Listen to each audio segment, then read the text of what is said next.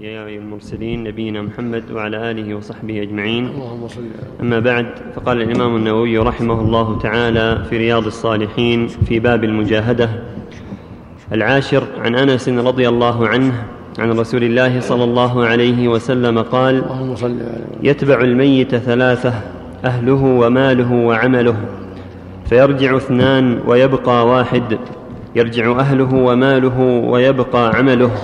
متفق عليه.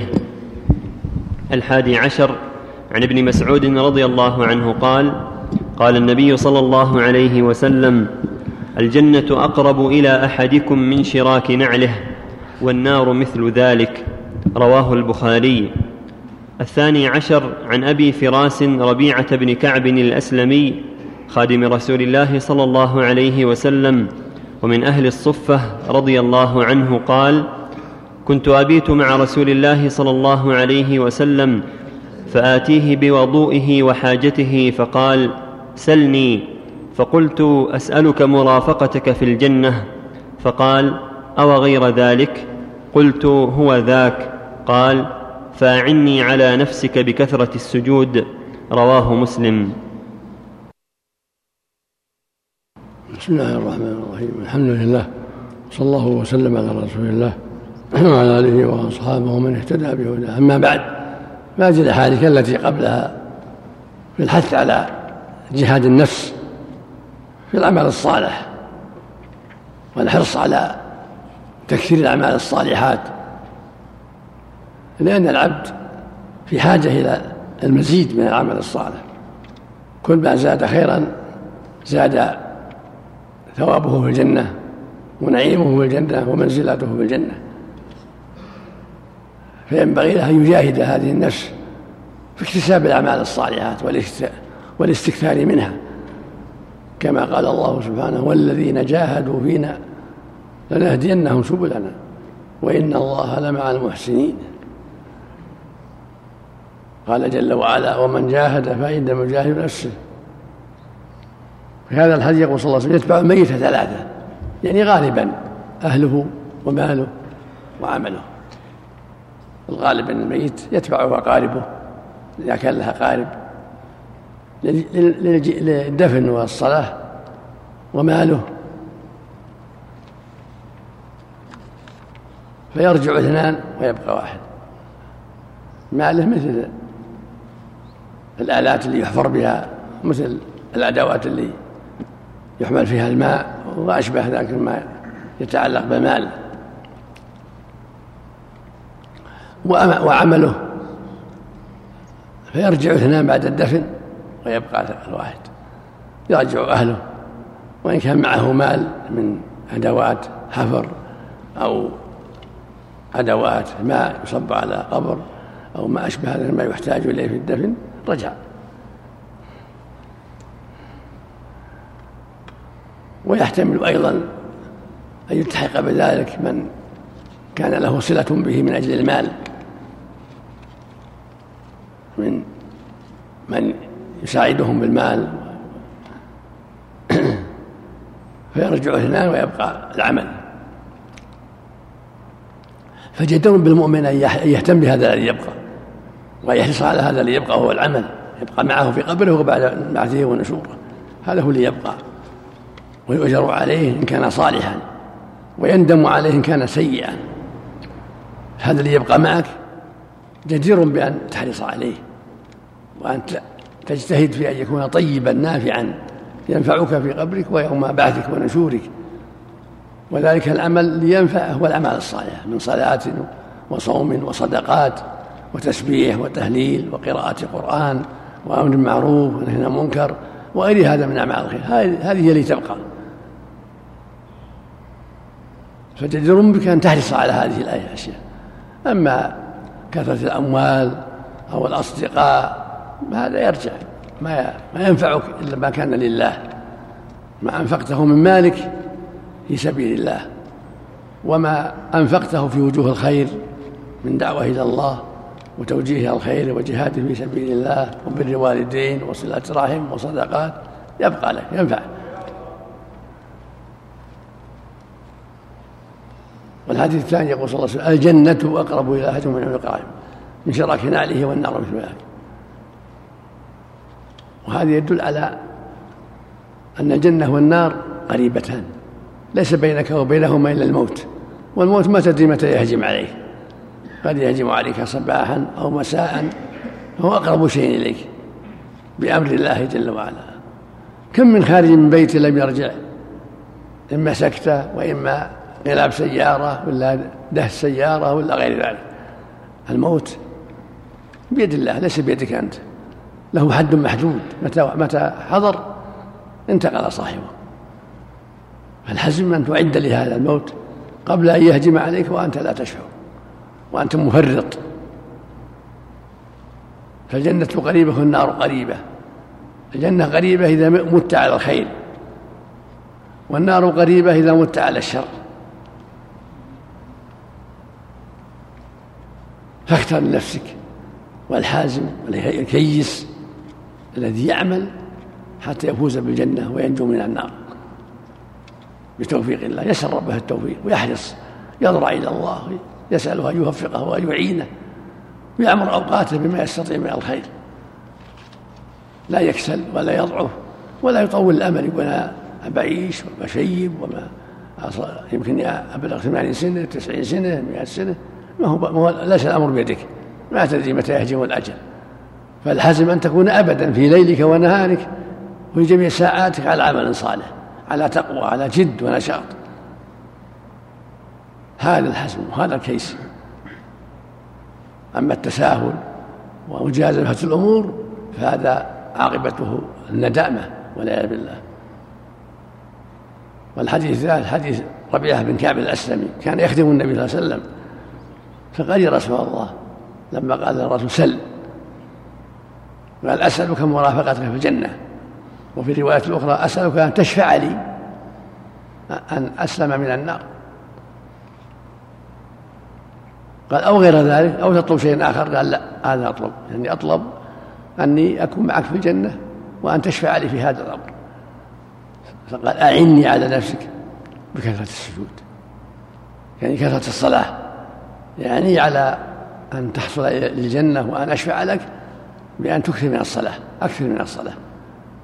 هذا يدل على فضل الصلاة. من هذا حديث ثوبان رضي الله عنه؟ قلت يا رسول الله أخبرني بأحب الأعمال إلى الله. أو قال بعمل يدخل الجنة؟ آه قال عليك بكثرة السجود. فإنك لن تسوي الله سجدة إلا رفعك, رفعك الله بها درجة وحط عنك بها خطيئة. ففي هذا الحديث, الحديث وما جاء في معناه الترغيب في الإكثار من الصلاة. في الليل والنهار في الضحى تكثر من الصلاة في الليل تكثر من الصلاة بين الظهر والعصر تكثر من الصلاة كل الأوقات ما عدا ما بعد العصر وما عدا بعد الفجر حتى ترتفع الشمس. أوقات النهي فقط. فالحزم وال والسنة والمشروع أن تكثر من الصلاة والتسبيح والتهليل وأنواع الذكر وقراءة القرآن وأنواع الخير في جميع الأوقات. إلا الصلاة تتركها في وقت النهي. بعد العصر إلى غروب الشمس بعد الفجر إلى ارتفاع الشمس. إلا ذوات الأسباب. ذوات الأسباب لا بأس بها مثل صلاة الطواف تحية المسجد صلاة الكسوف. هذه لا بأس إذا وقعت في وقت النهي تفعل. والمقصود من هذا كله أنه ينبغي المؤمن أن يعمر أوقاته. بالخير وأن لا يتساهل ويقول أنا بعيش طويل والأجل بعيد وأنا سوف أمتع سنوات. لا هذا هذا من الغرور. ما تدري أنت ما تدري. الحزم أنك أبدا دائما على عمل صالح على خير على اجتهاد. في ليلك ونهارك تخشى هجوم الأجل وتريد من ربك الخير والفضل والمغفرة. وفق الله جميعا نعم. فقال الإمام النووي رحمه الله تعالى في كتاب رياض الصالحين في باب المجاهدة الثالث عشر عن أبي عبد الله ويقال أبو عبد الرحمن ثوبان مولى رسول الله صلى الله عليه وسلم قال سمعت رسول الله صلى الله عليه وسلم يقول عليك بكثرة السجود فإنك لن تسجد لله سجدة إلا رفعك الله بها درجة وحط عنك بها خطيئة. رواه مسلم. الرابع عشر عن أبي صفوان عبد الله بن بسر الأسلمي رضي الله عنه قال قال رسول الله صلى الله عليه وسلم خير الناس من طال عمره وحسن عمله. رواه الترمذي وقال حديث حسن بسر بضم الباء وبالسين المهملة. الخامس عشر عن أنس رضي الله عنه قال غاب عمي أنس بن النضر رضي الله عنه عن قتال بدر فقال يا رسول الله غبت عن أول قتال قاتلت المشركين لئن اشهدني, لئن أشهدني قتال المشركين ليرين الله ما أصنع. فلما كان لئن أشهدني الله. لئن الله أشهدني قتال المشركين ليرين الله ما أصنع ليرين الله. ليرين الله. نعم وضبطه هكذا. فتح لا يشاهدن الله يعني. نعم لئن, لئن الله أشهدني قتال المشركين ليرين الله ما أصنع. فلما كان يوم أحد انكشف المسلمون فقال اللهم أعتذر إليك مما صنع هؤلاء يعني أصحابه. وأبرأ إليك مما صنع هؤلاء يعني المشركين. ثم تقدم فاستقبله سعد بن معاذ فقال يا سعد بن معاذ الجنة ورب الكعبة إني أجد ريحها من دون أحد. قال سعد فما استطعت يا رسول الله ما صنع. قال أنس فوجدنا به بضعا وثمانين ضربة بالسيف أو طعنة برمح أو رمية بسهم ووجدناه قد قتل ومثل به المشركون. فما عرفه أحد إلا أخته ببنانه. قال أنس كنا نرى أو نظن أن هذه الآية نزلت فيه وفي أشباهه. من المؤمنين رجال صدقوا ما عاهدوا الله عليه إلى آخرها متفق عليه. قوله ليرين الله روي بضم الياء وكسر الراء أي ليظهرن الله ذلك للناس وروي بفتحهما ومعناه ظاهر والله أعلم. بسم الله الرحمن الرحيم الحمد لله صلى الله وسلم على رسول الله وعلى آله وصحبه أما بعد هذه الأحاديث الثلاثة كلها تتعلق بالمجاهده للنفس في طاعة الله. تقدم جملة من الأحاديث المجاهدة والعناية بطاعة الله وإمارات الوقت بذلك لأن هذه الدار دار العمل ودار المجاهدة والآخرة دار الجزاء. قال تعالى والذين جاهدوا فينا لنهدينهم سبلنا. وقال تعالى ولنبلونكم حتى نعلم المجاهدين والصابرين ونبلو أخباركم. وقال تعالى وجاهدوا بالله حق جهاده. فالجهاد في هذه الدار أمر مطلوب وهو جهاد النفس في طاعة الله والكف عن محارم الله. من هذا حديث ثوبان رضي الله عنه أنه سأل النبي صلى الله عليه وسلم قال يا رسول الله دلني على أحب الأعمال إلى الله أو على عمل أدخل به الجنة. قال عليك بكثرة السجود.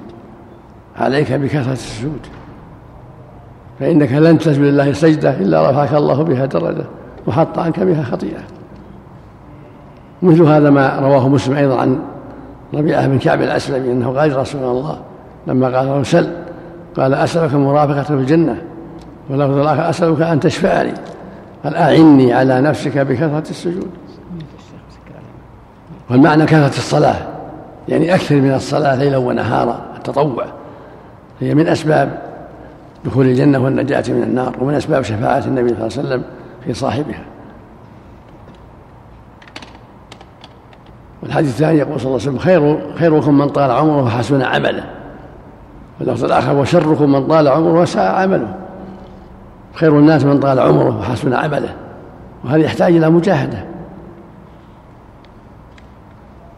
كل ما تقدم العمر فالإنسان في أشد الحاجة إلى المجاهدة حتى يختم بالخير. في صلاته وصومه وأذكاره ومعاملته للناس وغير ذلك. خير الناس من طال عمره وحسن عمله لأن إذا طال العمر مع حسن العمل زادت الحسنات وزاد رفعة الدرجات وأنواع النعيم. خير الناس من طال عمره وحسن عمله. والضد بالضد شر الناس من طال عمره وساء عمله نسأل الله. العافية فالمؤمن يحرص يجتهد في إحسان العمل وكثرة العمل الطيب الصالح؟ يرجو ثوابه عند الله جل وعلا. وهكذا حديث أنس في قصة عمه أنس بن النضر الأنصاري رضي الله عنه. كان أنس غاب عن غزوة بدر أنس بن النضر. فقال رضي الله عنه غبت عن أول غزوة قاتلت فيها العدو لئن أدركني الله مشهدا آخر ليرين الله ما, أصنع. يعني لا يشهد أن الله مني الشيء الذي يرضيه عني. من الاجتهاد في قتال المشركين. وقد صدق رضي الله عنه فيما قال وأوفى بما قال. فلما كانت غزوة أحد وجرى فيها ما جرى من انكشاف المسلمين وانهزامهم وتقدم المشركين وقتلهم من قتلوا. تقدم أنس بن النضر وقال اللهم إني أعتذر لك مما صنع هؤلاء يعني إخواننا المسلمين الذين انهزموا. وأبرأ إليك مما جاء به هؤلاء يعني المشركين من شركهم وباطلهم ثم تقدم يقاتل. فقابله سعد بن معاذ فقال يا سعد سيد الأوس يا سعد إني أجد ريح الجنة من دون أحد. قال سعد فما استطعت أن أفعل ما فعل. فتقدم أنس وقاتل حتى قتل يوم أحد رضي الله عنه. فوجدوا فيه بضعا وثمانين ما بين ضربة بسهم طعنة برمح أو ضربة بسيف أو رمية بسهم. يعني وجدوا فيه ضربات كثيرة من من المشركين. فقتل شهيدا رضي الله عنه. والشاهد من هذا أنه صمم وجاهد نفسه حتى تقدم لقتال العدو رضي الله عنه. نعم. وفق الله الجميع.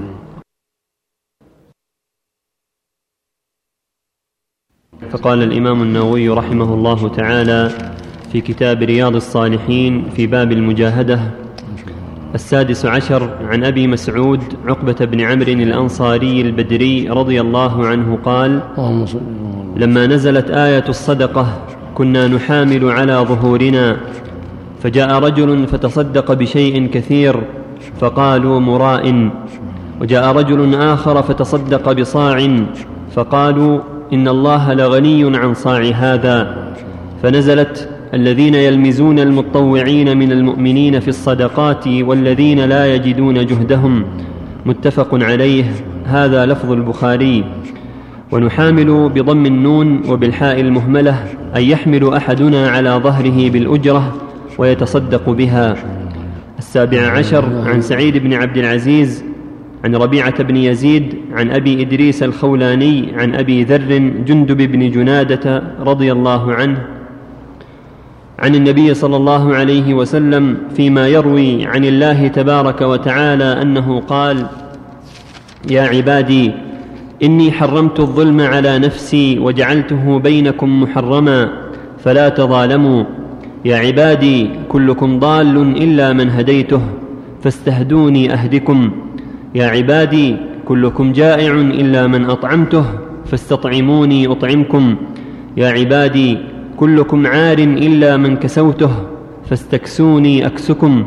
يا عبادي إنكم تخطئون بالليل والنهار وأنا أغفر الذنوب جميعا فاستغفروني أغفر لكم. يا عبادي إنكم لن تبلغوا ضري فتضروني ولن تبلغوا نفعي فتنفعوني. يا عبادي لو أن أولكم وآخركم وإنسكم وجنكم كانوا على أتقى قلب رجل واحد منكم ما زاد ذلك في ملكي شيئا. يا عبادي لو أن أولكم وآخركم وإنسكم وجنكم كانوا على أفجر قلب رجل واحد منكم ما نقص ذلك من ملكي شيئا. يا عبادي لو أن أولكم وآخركم وإنسكم وجنكم قاموا في صعيد واحد. فسألوني فأعطيت كل إنسان مسألته ما نقص ذلك مما عندي إلا كما ينقص المخيط إذا أدخل البحر. يا عبادي إنما هي أعمالكم أحصيها لكم ثم أوفيكم إياها فمن وجد خيرا فليحمد الله ومن وجد غير ذلك فلا, يلو فلا يلومن إلا نفسه. قال سعيد كان أبو إدريس إذا حدث بهذا الحديث جثى على ركبتيه رواه مسلم.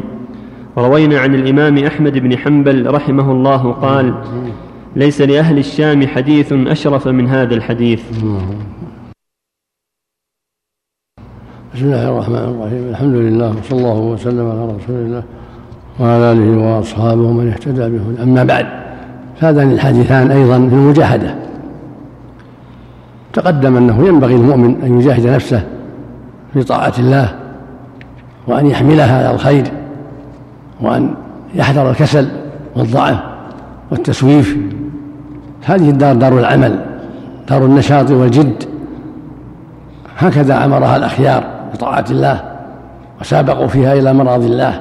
هكذا ينبغي المؤمن أن يكون ذا جد ونشاط ومجاهدة كما قال سبحانه في كتابه العظيم والذين جاهدوا فينا لنهدنهم سبلنا. وإن الله لمع المحسنين. ويقول جل وعلا ولنبلونكم حتى نعلم المجاهدين منكم والصابرين ونبلو أخباركم يقول أبو مسعود رضي الله عنه كنا نحامل في عهد النبي صلى الله عليه وسلم لما أمر بالصدقة كان الرجل منهم يحمل على ظهره لحاجة الناس. هذا يحمل خشب هذا يحمل طعام هذا يحمل كذا بالأجرة. يحملون على ظهورهم ويتصدقون. هذا من رغبتهم في الخير. يذهب إلى السوق يحمل لفلان وفلان ويأخذ الصدقة والأجرة ويتصدق بها على المحاوج الذين لا يستطيعون أن يحملوا أن يحملوا ولا أن يعملوا. وهذا من شرف النفوس ومن عظم الجهاد أن يحمل على ظهره ليتصدق يعمل يكدح ليتصدق. فكان الرجل إذا أتى بالشيء الكثير قال المنافقون هذا مرائي. وإذا أتى بالقليل بالقليل قالوا هذا الله غني عن صدقة هذا. فالمنافقون لا يسلم من شرهم المسلمون لا الضعيف ولا الكبير. فأنزل الله في حقهم الذين يلمزون المتطوعين من الصدقات والذين لا يجون إلا جهدهم فيسرونهم سخر الله منهم ولهم عذاب أليم. توعدهم بالعذاب والسخرية بهم. فالمتصدق يشكر على قليله وكثيره. تصدق بقليل أو بكثير. هو مشكور على نشاطه وعلى اجتهاده حسب طاقته. اتقوا النار ولا بالشق تمره ولا ينبغي أن يلقب بالرياء من, من أكثر ولا بالبخل والشح من أقل بل يشجع هذا وهذا. ثم ذكر مؤلف حديث أبي ذر وهو حديث عظيم. من الأحاديث القدسية. اشتمل على مسائل عديدة. يرويها الرسول عن ربه الرسول صلى الله عليه وسلم يروي عن ربه هذا الحديث هذا قدسي وهو ما يرويه الرسول عن ربه غير القرآن يسمى أحاديث قدسية. يقول الرسول صلى الله عليه وسلم يقول الله عز وجل يا عبادي إني حرمت الظلم على نفسي وجعلته بينكم محرما فلا تظلموا. يقول سبحانه إن الله لا يظلم مثقال ذرة. لا يظلم مثقال ذرة. وإن تك حسنة يضاعفها. ويقول جل وعلا ونضع الموازين القسط ليوم القيامة فلا تظلم نفس شيئا. وإن كان مثقال حبة من خردل أتينا بها وكفى بنا حاسبين. ويقول سبحانه فمن يعمل مثقال ذرة خيرا يره. ومن يعمل مثقال ذرة شرا يره. ولهذا يقول صلى الله عليه وسلم يقول الله عز وجل يا عبادي إني حرمت الظلم على نفسي وجعلت بينكم محرما فلا تظلمون. يا عبادي كلكم ضال إلا من هديته فاستهدوني أهدكم. يا عبادي كلكم جائع إلا من أطعمته فاستطعموني أطعمكم يا عبادي كلكم عار إلا من كسوته فاستكسوني أكسكم. يعني أنكم في حاجة إلي كلكم محتاج كلهم فقراء إلى ربهم. يقول سبحانه يا أيها الناس أنتم الفقراء إلى الله. والله هو الغني والحميد. كل العباد فقراء إليه وفي ضرورة إلى رزقه وفضله وإحسانه. يا عبادي إنكم تخطئون بالليل والنهار وأنا أغفر لنا جميعا فاستغفروا أغفر لكم. كل بني آدم خطاء خير الخطائين التوابون. ثم يقول جل وعلا يا عبادي إنكم لن تبلغوا ضري فتضروني ولن تبلغوا نفعي فتنفعوا يعني أنه غني عنا سبحانه وتعالى. هو الغني ونحن فقراء. والله الغني وأنتم الفقراء سبحانه وتعالى. هو النافع الضار جل وعلا. أما العباد ما عندهم نفع ولا ضر. هو غني عنهم سبحانه وتعالى. فإن نفعوا غيرهم أحسنوا لأنفسهم. وإن ضروا غيرهم أساءوا لأنفسهم. يا عبادي لو أن أولكم وآخركم وإنسكم وجنكم كانوا على أتقى قلب رجل واحد منكم ما زاد لك الملك شيء. لو كان الناس كلهم مسلمين ما زاد ملكه جل هو غني عنهم سبحانه وتعالى. أسلموا أو كفروا. المصلحة لهم. إن أسلموا فلهم وإن أساءوا فعليهم. يا عباد لو أن أولكم وآخركم وإنسكم وجنكم كانوا على أفجر قلب رجل ما نقص من شيء. لو كانوا كلهم كفار وجه ما نقص هو غني عنهم سبحانه وتعالى. يا عبادي لو أن أولكم وآخركم وإنسكم وجنكم قاموا في صعيد واحد يعني في مكان واحد فسألوني فأعطيت كل إنسان مسألته ما نقص لك من ملك شيء مما عندي شيء. إلا كما يكون المخيط إذا أدخل البحر. وهل ينقص المخيط شيئا؟ إذا أدخل البحر. المخيط لا ينقص لا ينقص شيئا من البحر. والمعنى أن جميع طلباتهم لا تؤثر في ملكه شيئا. لو أعطاهم كل ما طلبوا فهو سبحانه الغني الحميد. لا تضره مسألة السائلين ولا عطاء السائلين ولا إعراضهم. هو ملكه, ملكه كامل وقائم سألوا أم لم يسألوا أعطاهم أم لم يعطهم لو أنهم كلهم سألوا وكل واحد أعطي مسألته ما نقص لكن ملك الشيء سبحانه وتعالى. يا عبادي إنما هي أعمالكم أحصيها لكم ثم أوفيكم إياها. فمن وجد خيرا فليحمد الله ومن وجد غير ذلك فلا يلومن إلا نفسه. هذه النهاية النهاية أنها أعمالنا. في هذه الدار يحصيها الله علينا. فمن عمل صالحا فلنفسه ومن أساء فعليها. كما قال عز وجل إن أحسنتم أحسنتم لأنفسكم وإن أسأتم فلا قال تعالى من عمل صالحا فلنفسه ومن أساء فعليها. فأنت يا عبد الله اجتهد في إعداد الخير. وفي تقديم الخير لعلك تنجح وتربح.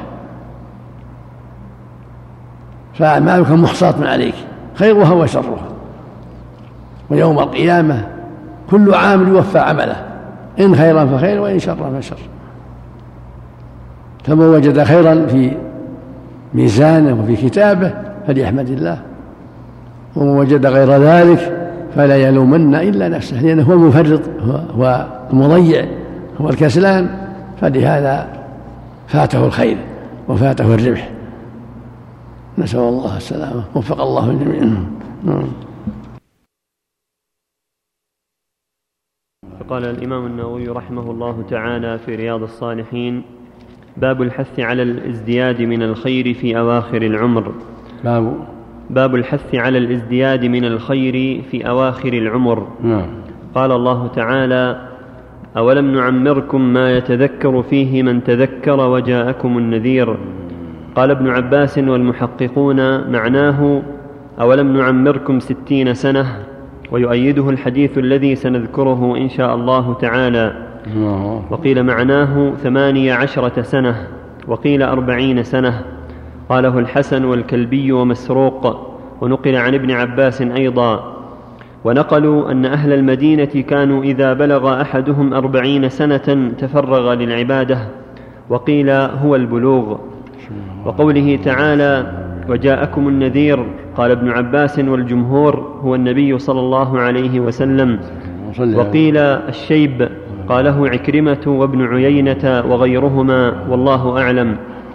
وأما الأحاديث فالأول عن أبي هريرة رضي الله عنه عن النبي صلى الله عليه وسلم قال أعذر الله إلى امرئ أخر أجله حتى بلغ ستين سنة. رواه البخاري. قال العلماء معناه لم يترك له عذرا إذ أمهله هذه المدة. يقال أعذر الرجل إذا بلغ الغاية في العذر. الثاني عن ابن عباس رضي الله عنهما قال كان عمر رضي الله عنه يدخلني مع أشياخ بدر فكأن بعضهم وجد في نفسه فقال لم يدخل هذا معنا لم يدخل هذا معنا ولنا أبناء مثله؟ فقال عمر إنه من حيث علمتم فدعاني ذات يوم فأدخلني معهم فما رأيت أنه دعاني يومئذ إلا ليريهم. قال ما تقولون في قول الله تعالى إذا جاء نصر الله والفتح؟ فقال بعضهم أمرنا نحمد الله ونستغفره إذا نصرنا وفتح علينا. وسكت بعضهم فلم يقل شيئا. فقال لي أكذلك تقول يا ابن عباس؟ فقلت لا. قال فما تقول؟ قلت هو أجل رسول الله صلى الله عليه وسلم أعلمه له. قال إذا جاء نصر الله والفتح وذلك علامة أجلك. فسبح بحمد ربك واستغفره إنه كان توابا. فقال عمر رضي الله عنه ما أعلم منها إلا ما تقول. رواه البخاري. الثالث عن عائشة رضي الله عنها قالت ما صلى رسول الله صلى الله عليه وسلم صلاة بعد أن نزلت عليه إذا جاء نصر الله والفتح إلا يقول فيها سبحانك ربنا وبحمدك اللهم اغفر لي. متفق عليه. وفي رواية في الصحيحين عنها كان رسول الله صلى الله عليه وسلم يكثر أن يقول في ركوعه وسجوده سبحانك اللهم ربنا وبحمدك اللهم اغفر لي يتأول القرآن. معنى يتأول القرآن أن يعمل ما أمر به في القرآن في قوله تعالى فسبح بحمد ربك واستغفره وفي رواية لمسلم كان رسول الله صلى الله عليه وسلم يكثر أن يقول قبل أن يموت سبحانك اللهم وبحمدك أستغفرك وأتوب إليك. قالت عائشة قلت يا رسول الله ما هذه الكلمات التي أراك أحدثتها تقولها؟ قال جعلت لي علامة في أمتي إذا رأيتها قلتها إذا جاء نصر الله والفتح إلى آخر السورة. وفي رواية له كان رسول الله صلى الله عليه وسلم يكثر من قول سبحان الله وبحمده أستغفر الله وأتوب إليه. قالت قلت يا رسول الله أراك تكثر من قولي سبحان الله وبحمده أستغفر الله وأتوب إليه؟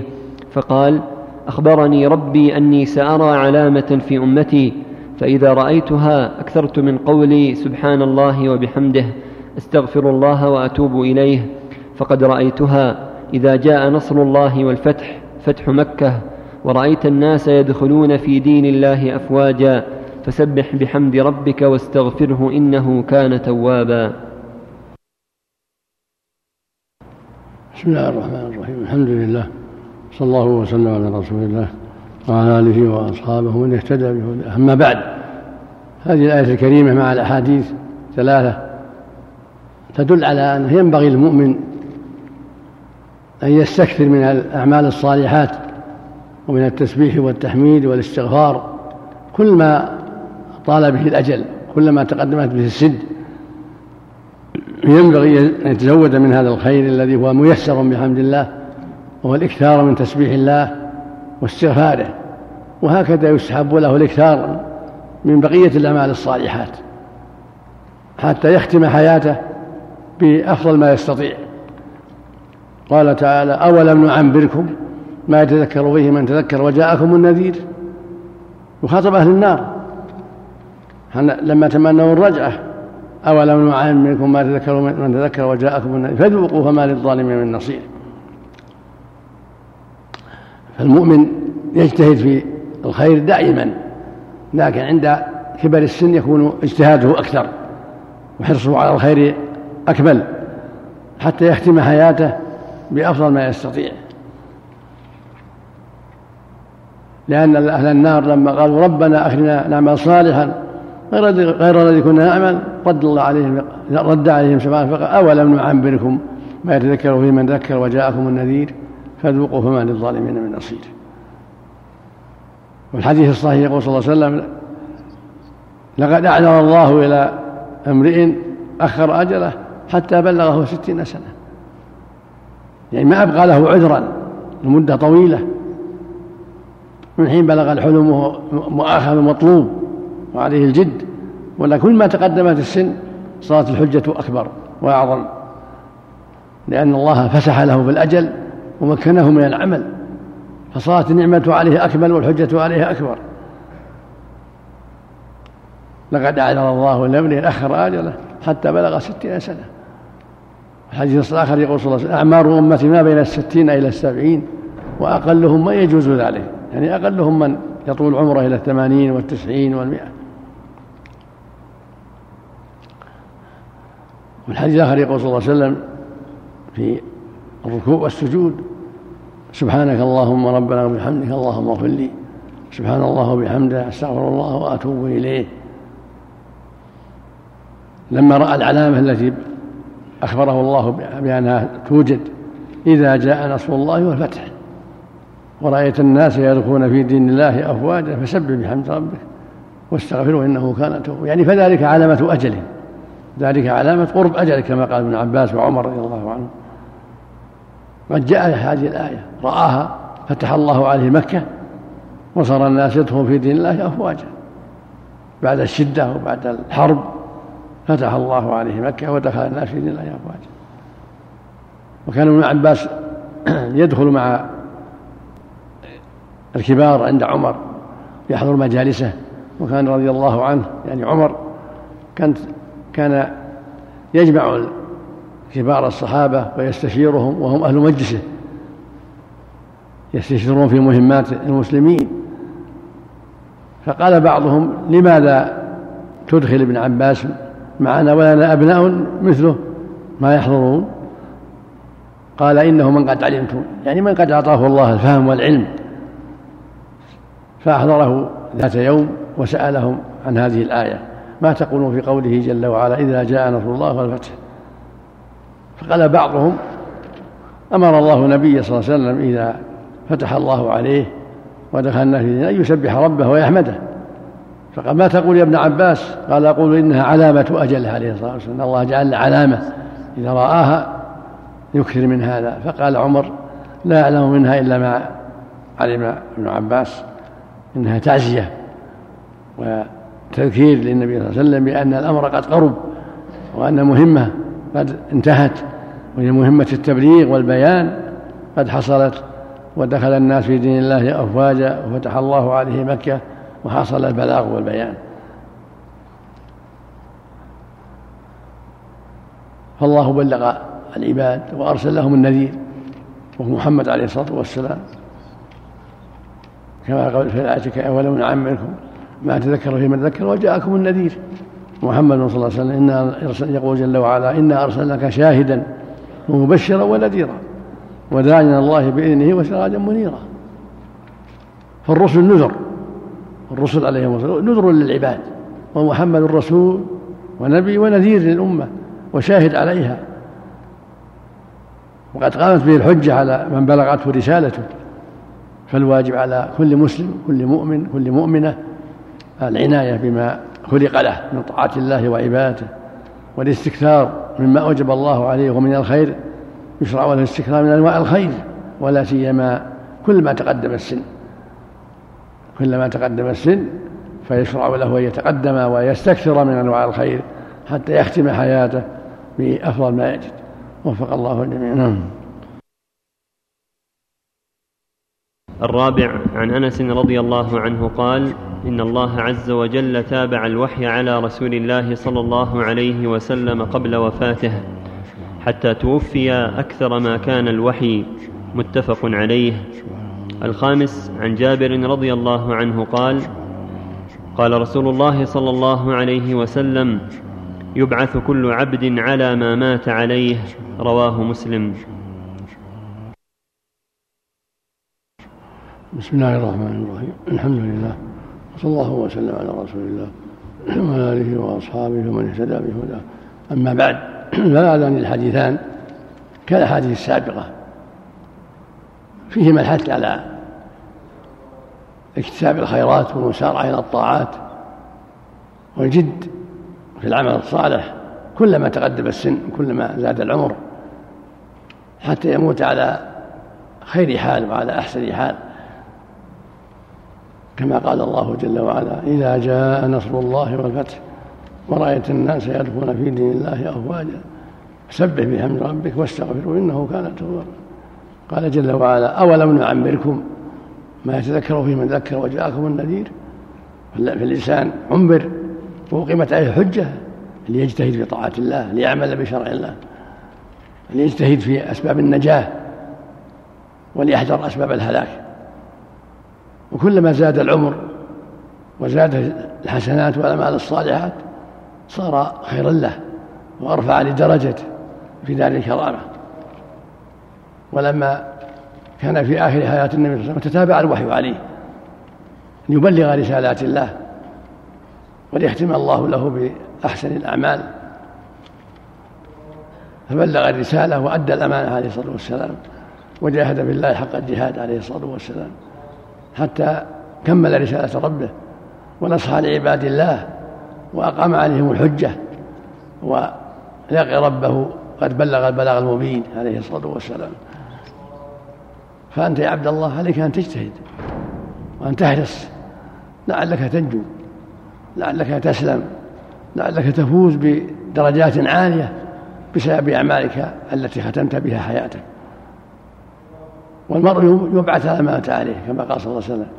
يبعث المرء على ما مات عليه إن مات على خير وعمل صالح بعث على ذلك وإن مات على شر بعث على ذلك. فليحرص المؤمن على أن يختم حياته بأحسن ما يستطيع. سوف يبعث على ذلك. على خير أعماله إن اجتهد في الصالحات وعلى شر أعماله إن ختم بها حياته ولا حول ولا قوة إلا بالله. والله يقول جل وعلا فاستبقوا الخيرات. ويقول وسارعوا إلى مغفرة من ربكم وجنة عرضها سماء البر.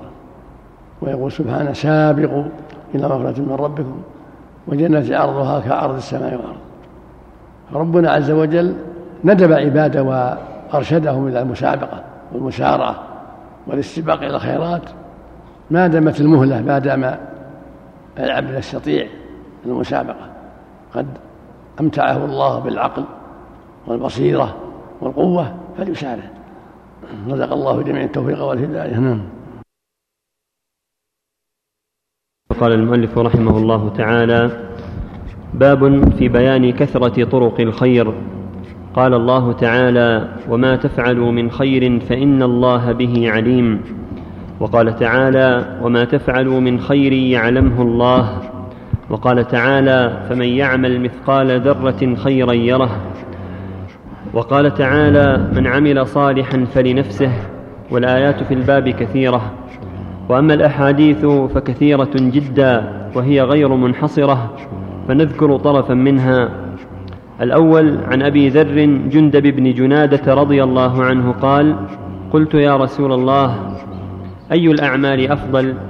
قال الإيمان بالله والجهاد في سبيله. قلت أي الرقاب أفضل؟ قال أنفسها عند أهلها وأكثرها ثمنا. قلت فإن لم أفعل قال تعين صانعا أو تصنع لأخرق. قلت يا رسول الله أرأيت إن ضعفت عن بعض العمل؟ قال تكف شرك عن الناس فإنها صدقة منك على نفسك. متفق عليه. الصانع بالصاد المهملة هذا هو المشهور وروي ضائعا بالمعجمة أي ذا ضياع من فقر أو عيال ونحو ذلك. والأخرق الذي لا يتقن ما يحاول فعله. الثاني عن أبي ذر أيضا رضي الله عنه أن رسول الله صلى الله عليه وسلم قال يصبح على كل سلامة من أحدكم صدقة فكل تسبيحة صدقة وكل تحميدة صدقة وكل تهليلة صدقة وكل تكبيرة صدقة وأمر بالمعروف صدقة ونهي عن المنكر صدقة ويجزئ من ذلك ركعتان يركعهما من الضحى. رواه مسلم. السلامة بضم السين المهملة وتخفيف اللام وفتح الميم المفصل.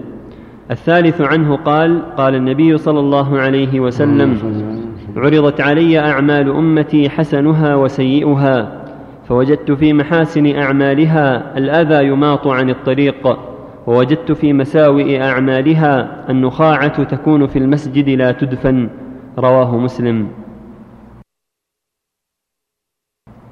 بسم الله الرحمن الرحيم. الحمد لله وصلى الله وسلم على رسول الله وعلى آله وأصحابه. أما بعد فهذه الآيات الكريمات والأحاديث في بيان كثرة طرق الخير وأن الله جل وعلا يسر لعباده لتحصيل الحسنات طرقا كثيرة من طرق الخير يكتسب بها الحسنات والأعمال الصالحات. والأجر من الله عز وجل ورفيع الدرجات.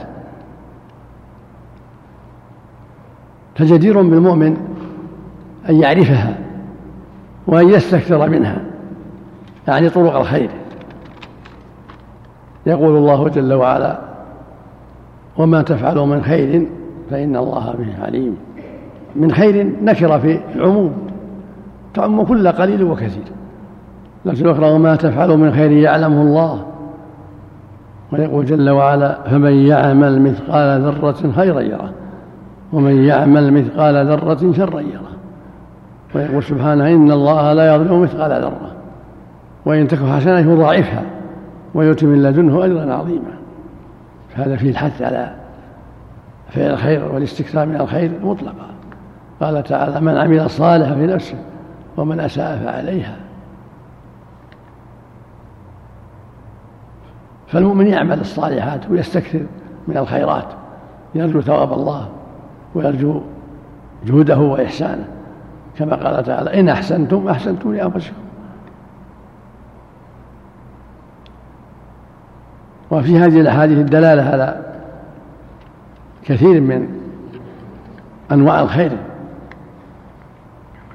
فالمؤمن يتحرى أنواع الخير ويجتهد في جهاد نفسه في فعل الخيرات والله جل وعلا هو الجواد الكريم الذي يثيب عباده على حسناتهم قليلها وكثيرها. من هذا قول صلى الله عليه وسلم؟ يصبح على كل سلام من الصدقة يعني كل مصر صدقة كل تسبيح صدقة كل تحميد صدقة كل تكبير صدقة كل تهليل صدقة. ويجي من ذلك ركعتان يركعهما من الضحى. ركعتان من الضحى فيها خير كثير. قد أوصى النبي صلى الله عليه وسلم أبا هريرة وابا الدرداء بصلاة الضحى. وصيام ثلاثة من كل شهر والوتر قبل النوم.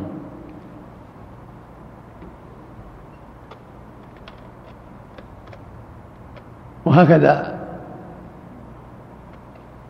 في الحديث الآخر يصبح على كل سلامة منكم صدقة. كل سهلين تحليل الصدقة. كل تحريم تكبير الصدقة. كل تهليل الصدقة. وفي بضع أحدكم صدقة. وفي بعضها وأمر بالمعروف صدقة. ونهي عن صدقة. ويكف الأذى عن الطريق صدقة. قالوا يا رسول يأتي أحد ما شهوته ويكون له في أجر. قال رأيت من وضعها في حرام ما كان عليه وزر. فكذلك إذا وضعها في الحال كان له أجر. الحديث الأول. عرضت علي أعمال أمتي. كذلك. إيش عندك؟ عرضت علي أعمال أمتي حسنها وسيئها. وجدت في محاسن أعمالها الأذى يماط عن الطريق. هذا هذا الحديث الأخير.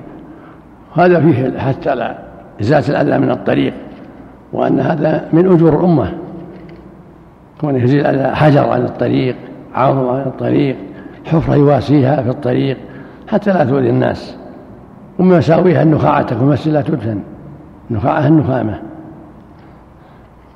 المسجد لا يبصق فيه بل يبصق في ثوبه أو في منديله. البصاق المسجد خطيئة لا يجوز لأنه تقدير الحديث الأول. أي الأعمال أفضل؟ نعم. أي الأعمال أفضل؟ قال الإيمان بالله والجهاد في سبيله. كذلك حديث أبي ذر السابق. لما سأل النبي صلى الله عليه وسلم الأعمال أفضل؟ قال إيمان بالله والجهاد في سبيله والإيمان بالله يشمل جميع أعمال الخير من صلاة وصوم وصدقات كلها إيمان والجهاد في سبيل الله كذلك. قال فأي الرقاب أفضل؟ يعني في العتق. قال أغلاها ثمنا وأنفسها عند أهلها وهكذا في الضحايا والهدايا كل ما كانت أغلى. وأنفس صار صارت أفضل. قال فإن ضعفت عن ذلك يا تعين صانعا أو تصنع لآخرين إذا أنت صانع على صنعته أو إنسان ضعيف ما يحسن. عملت له حاجته خدت ثوبه أصلحت سيارته أصلحت بماكينة الماء إلى غير هذا. إنسان ما يحسن فساعدته في إصلاح شأنه. أنت مأجور بذلك. قال فإن ضعفت عن ذلك قال تكف شرك عن الناس. فإن ذلك صدقة منك عن نفسك. كون يكف شره الناس لا يؤذي أحد هذه أيضا نعمة كبيرة. يكف لسانه ويكف جوارحه عن الأذى. يعني يكون معينا في الخير باذلا الخير كافا شره عن الناس. وفق الله جميعا.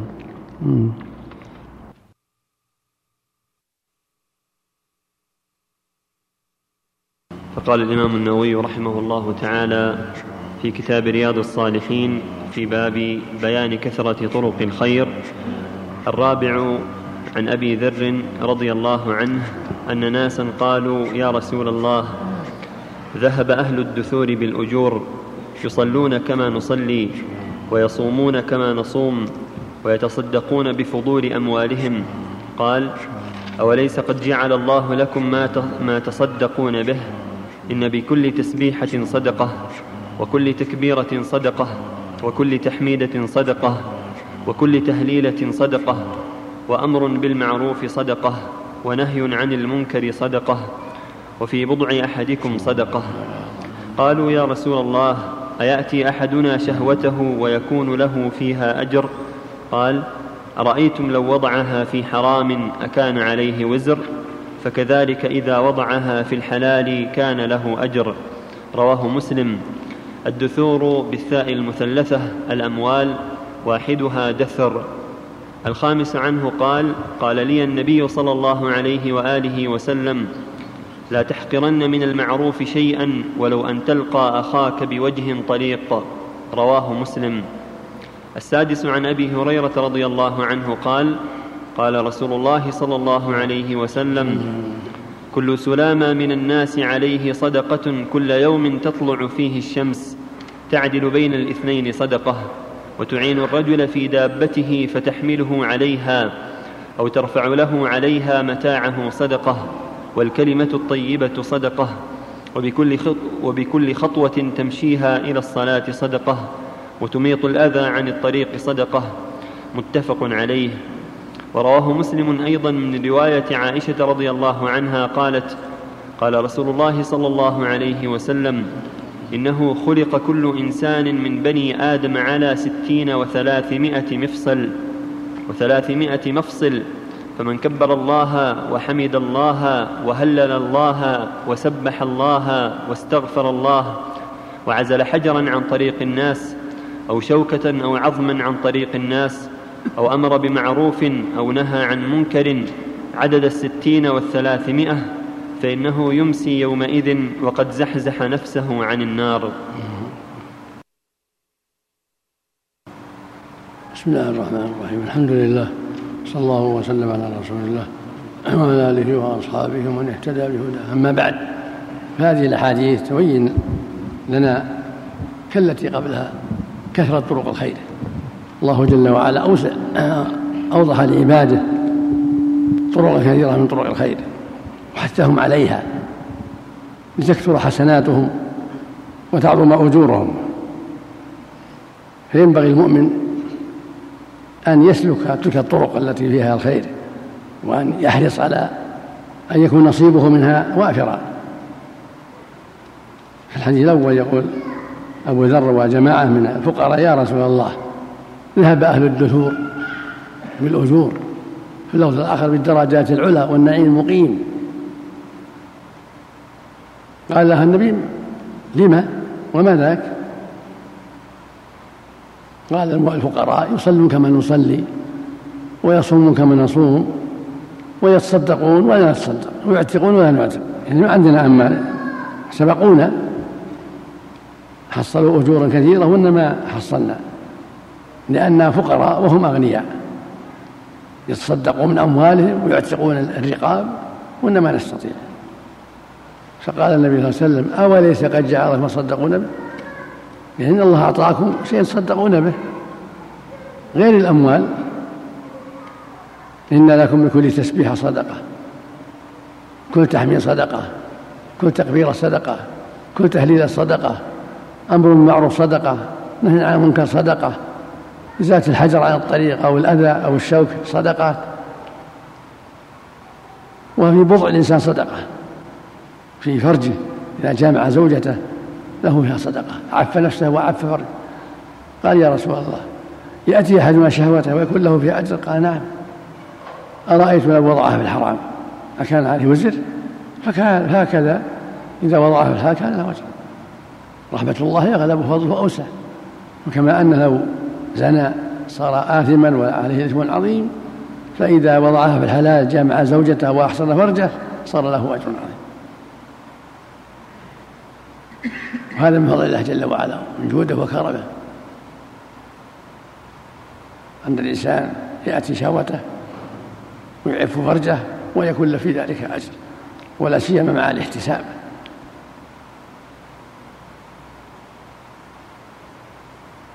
وهكذا كل معروف صدقة. كل معروف يفعله الإنسان معروف صدقة. مساعدة أخيه في أي شيء صدقة. دعاء لأخيه صدقة. السلام صدقة. الإصلاح بين الناس صدقة. إلى غير ذلك. وهكذا قوله صلى الله عليه وسلم يصبح على كل فعل من صدقة. في كل يوم تعدل بين اثنين أو تحمل الرجل متاعه على دابته أو تعينه في حاجة كلها صدقات. وهكذا أنواع التسبيح والتهليل والتحميد والتكبير صدقات. والدعوة إلى الله والأمر بالمعروف والنهي عن المنكر وإزالة الأذى عن الطريق صدقات. وفي الحديث الآخر حديث عائشة إن الله خلق ابن آدم على 360 مفصل كل إنسان كل آدمي مخلوق على 360 مفصل فإذا سبح الله وحمد الله وهلل الله وكبر الله واستغفر الله وأمر بالمعروف نهى عن منكر أزال حجر عن الطريق أو شوكة أو عظم أو غير هذا من وجوه خير. بعدد هذه المفاصل يكون قد زحزح نفسه عن النار.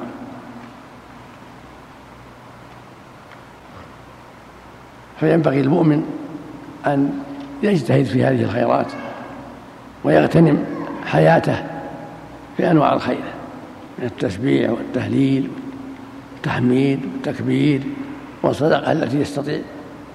كل معروف صدقة ولو بعد تمرة ولو بشق تمرة حسب الطاقة. أمر معروف نهي عن منكر إزالة الأذى عن الطريق بشاشتك في وجه أخيك. رد السلام عليه بدأته بالسلام الدعاء له كلها من وجوه الخير. كلها من طرق الخير. في الرواية الأخرى أن الأغنياء سمعوا الخبر. فجعلوا يفعلون هذا وهذا. يفعلون ما شرع الله لهم من الصدقات ويفعلون أيضا ما بينه الرسول للفقراء من التسبيح والتهليل والتحميد فقال يا رسول الله سمع إخواننا بما فعلنا. فقال النبي ذلك فضل الله يؤتيه من يشاء. والله ذو الفضل العظيم. فإذا جمع الغني بين الصدقات بماله والعتق والتوسعة على الفقراء وضم إلى هذا التسبيح والتهليل والتحميد والتكبير والأمر بالمعروف والنهي عن المنكر والاستغفار وإزالة الأذى عن الطريق إلى غير هذا من وجوه خير. اجتمع له الخير كله. وذلك فضل الله يؤتيه من يشاء سبحانه وتعالى. فالمؤمن ينافس في الخيرات كما قال تعالى وفي ذلك فليتنافس المتنافسون. ويسارع ويسابق يرجو رحمة ربه يخلص لله لا يكون رياء ولا سمعة يخلص لله ويجتهد في الخيرات. وله البشرى بالخير العظيم والعاقبة الحميدة. نعم.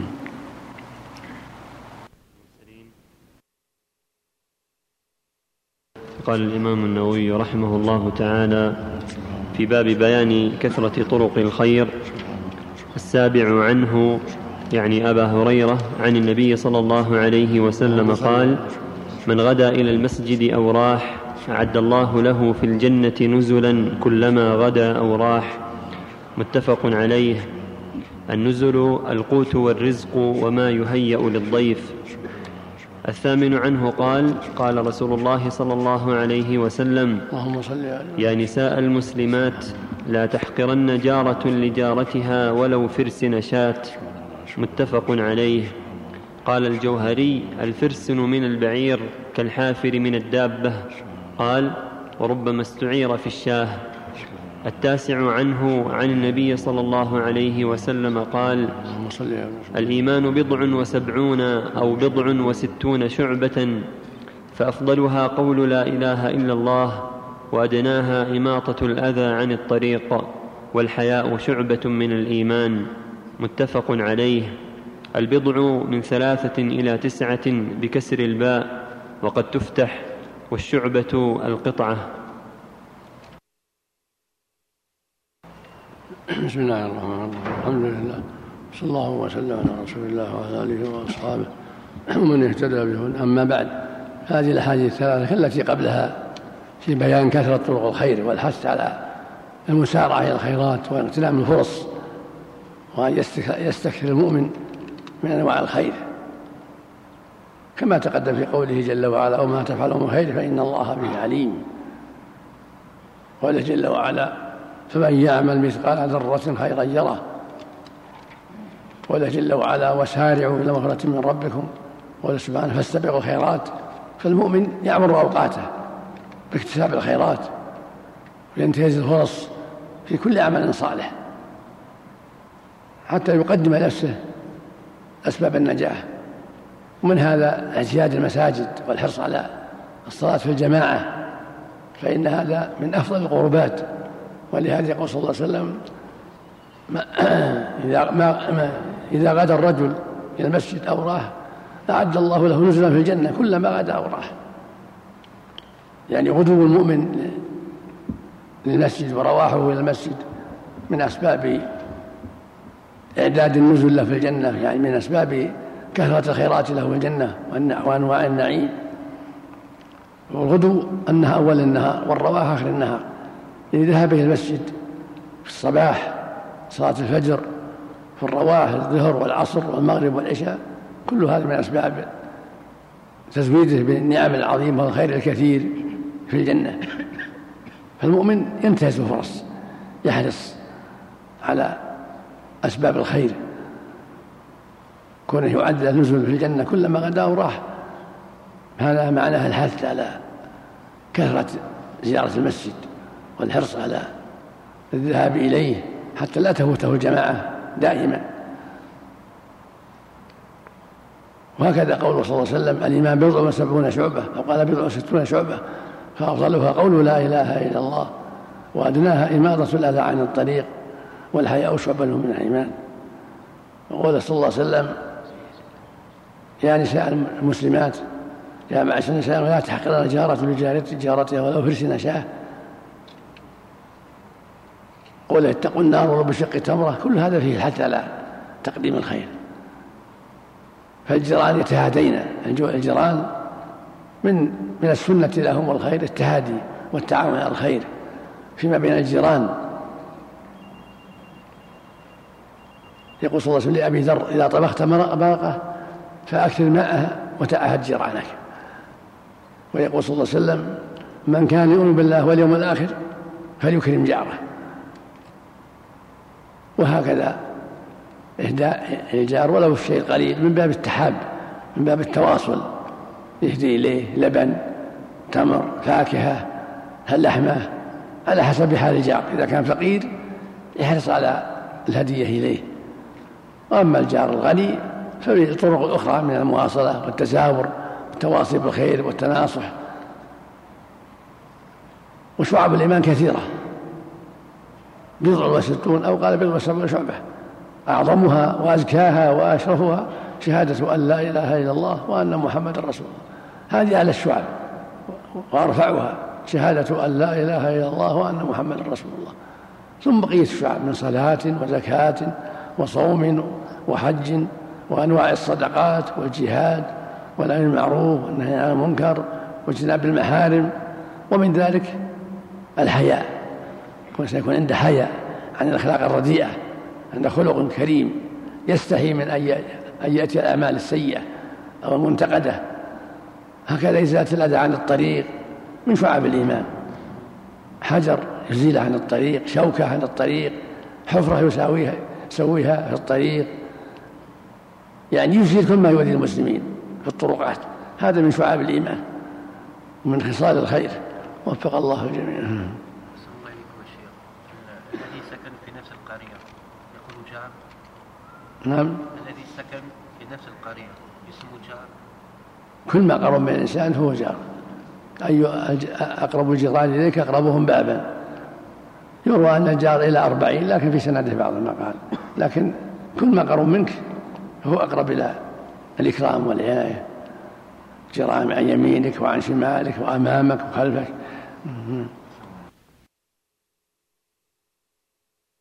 أما بعد فقال المؤلف رحمه الله تعالى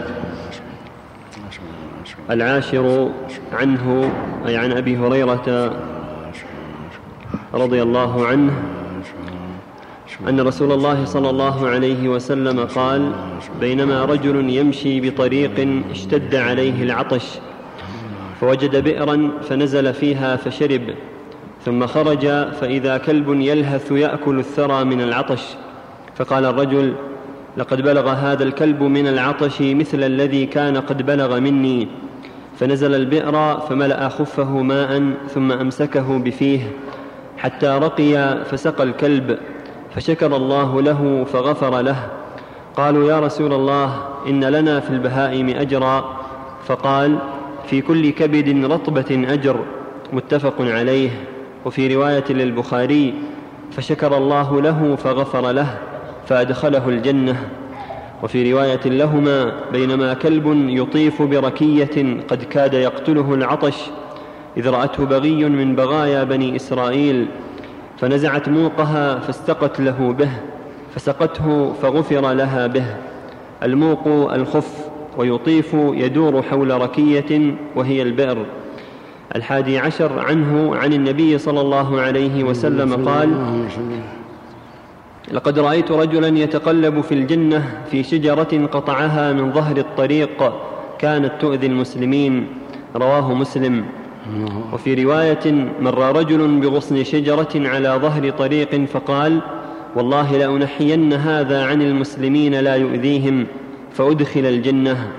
وفي رواية لهما بينما رجل يمشي بطريق وجد غصن شوك على الطريق فأخره فشكر الله له. فغفر له. الثاني عشر عنه قال قال رسول الله صلى الله عليه وسلم. من توضأ فأحسن الوضوء ثم أتى الجمعة فاستمع وأنصت غفر له ما بينه وبين الجمعة وزيادة ثلاثة أيام ومن مس الحصى فقد لغى. رواه مسلم. بسم الله الرحمن الرحيم. الحمد لله وصلى الله وسلم على رسول الله. وعلى آله وأصحابه ومن اهتدى بهداه أما بعد فهذه الأحاديث الثلاثة كالأحاديث السابقة في بيان كثرة طرق الخير وأنه ينبغي للمؤمن أن يجتهد في أنواع الخير يرجو ثواب الله ويخشى عقابه. فكم من عمل صالح صار سببا لدخوله الجنة ونجاته من النار لأنه فعله مخلصا لله متقربا إليه راحما لعباده. ومن ذلك قصة هذا الرجل الذي أخذه العطش اشتد به العطش فنزل في ركية فشرب. فلما صعد رأى كلبا يأكل الثرى من شدة العطش. فقال لقد أصابه ما أصابني فنزل وأخذ له ماء وأسقاه. فشكر الله له فأدخله الجنة بهذه الرحمة في لفظ فغفر له وفي الرواية الأخرى أن امرأة بغي من بني إسرائيل رأت كلبا يلهث من العطش يأكل الثرى فنزعت موقها يعني خفها وأزلته في القليب وجذبت به ماء فسقته فرحم الله فرحمها الله بذلك وغفر لها بذلك. وهذا معناه أن الأعمال الصالحات مع الإخلاص والصدق والرحمة قد يغفر الله بها الذنوب ويمحو بها السيئات ويوفق صاحبها للاستقامة حتى يدخل الجنة. فينبغي المؤمن أن لا يغلط وأن يجتهد في الخير وعمل الصالحات. فكم من عمل صالح أخلصه لله فرحمه الله بذلك ووفقه حتى مات على غاية من العمل الصالح والاستقامة ودخل الجنة. فالأعمال الصالحات أنواع. فكم من عمل صالح يجر إلى أعمال صالحة وإلى ثبات وإلى استقامة حتى الموت. وهكذا ما صاحب الغص من الشوك الذي قطعه أو شجرة من تؤذي الناس في الطريق فأزالها. يرجو ما عند الله من المثوبة فشكر الله له وأدخله به الجنة لأنه رحم المسلمين وأزال عنهم ما يؤذيهم. حفرة في الطريق شوك في الطريق أحجار في الطريق يزيلها. مثل مثل غصن الشوك. إذا أزالها يرجو ما عند الله فله في هذا أجر كبير. وربما كان سببا لدخوله الجنة ونجاته من النار حسب إخلاصه لله وصدقه في رحمة عباده. وأنواع الخير كثيرة. يجمعها قوله تعالى فمن يعمل مثقال ذرة خيرا يره. وقوله جل وعلا إن الله لا يظلم مثقال ذرة وإن تك حسنة يضاعفها ويؤتي من لدنه أجرا عظيما. قال صلى الله عليه وسلم اتقوا النار ولو بشق تمرة فمن لم يجد فبكلمة طيبة. والحديث الثاني يقول صلى الله عليه وسلم من توضأ فأحسن الوضوء ثم أتى الجمعة فصلى ما قدر له ثم استمع الخطيب وأنصت غفر له ما بينه وبين الجمعة الأخرى وفضل ثلاثة أيام. هذا يدل على فضل السعي للجمعة والإنصات وأن يصلي ما قدر الله له قبل ذلك وينصت الخطيب فإن هذا فيه فضل عظيم. وإذا اغتسل يكون أفضل. إذا اغتسل ثم أتى الجمعة فصلى ما يسر الله له ثم أنصت للخطيب ولم يلغو كان له في هذا خير عظيم. ومن مس الحصى ومن مس الحصى فقد لقى ينصت ويستمع ولا يعبث. فهو موعود بالمغفرة. وهكذا من توضأ فأحسن الوضوء ثم صلى ركعتين. قرب إلى الله غفر الله له ما تقدم من ذنبه. هذا يدل على كثرة أنواع الخير لكن مع الإخلاص لله والصدق ثم الاستقامة على الحق. وفق الله الجميع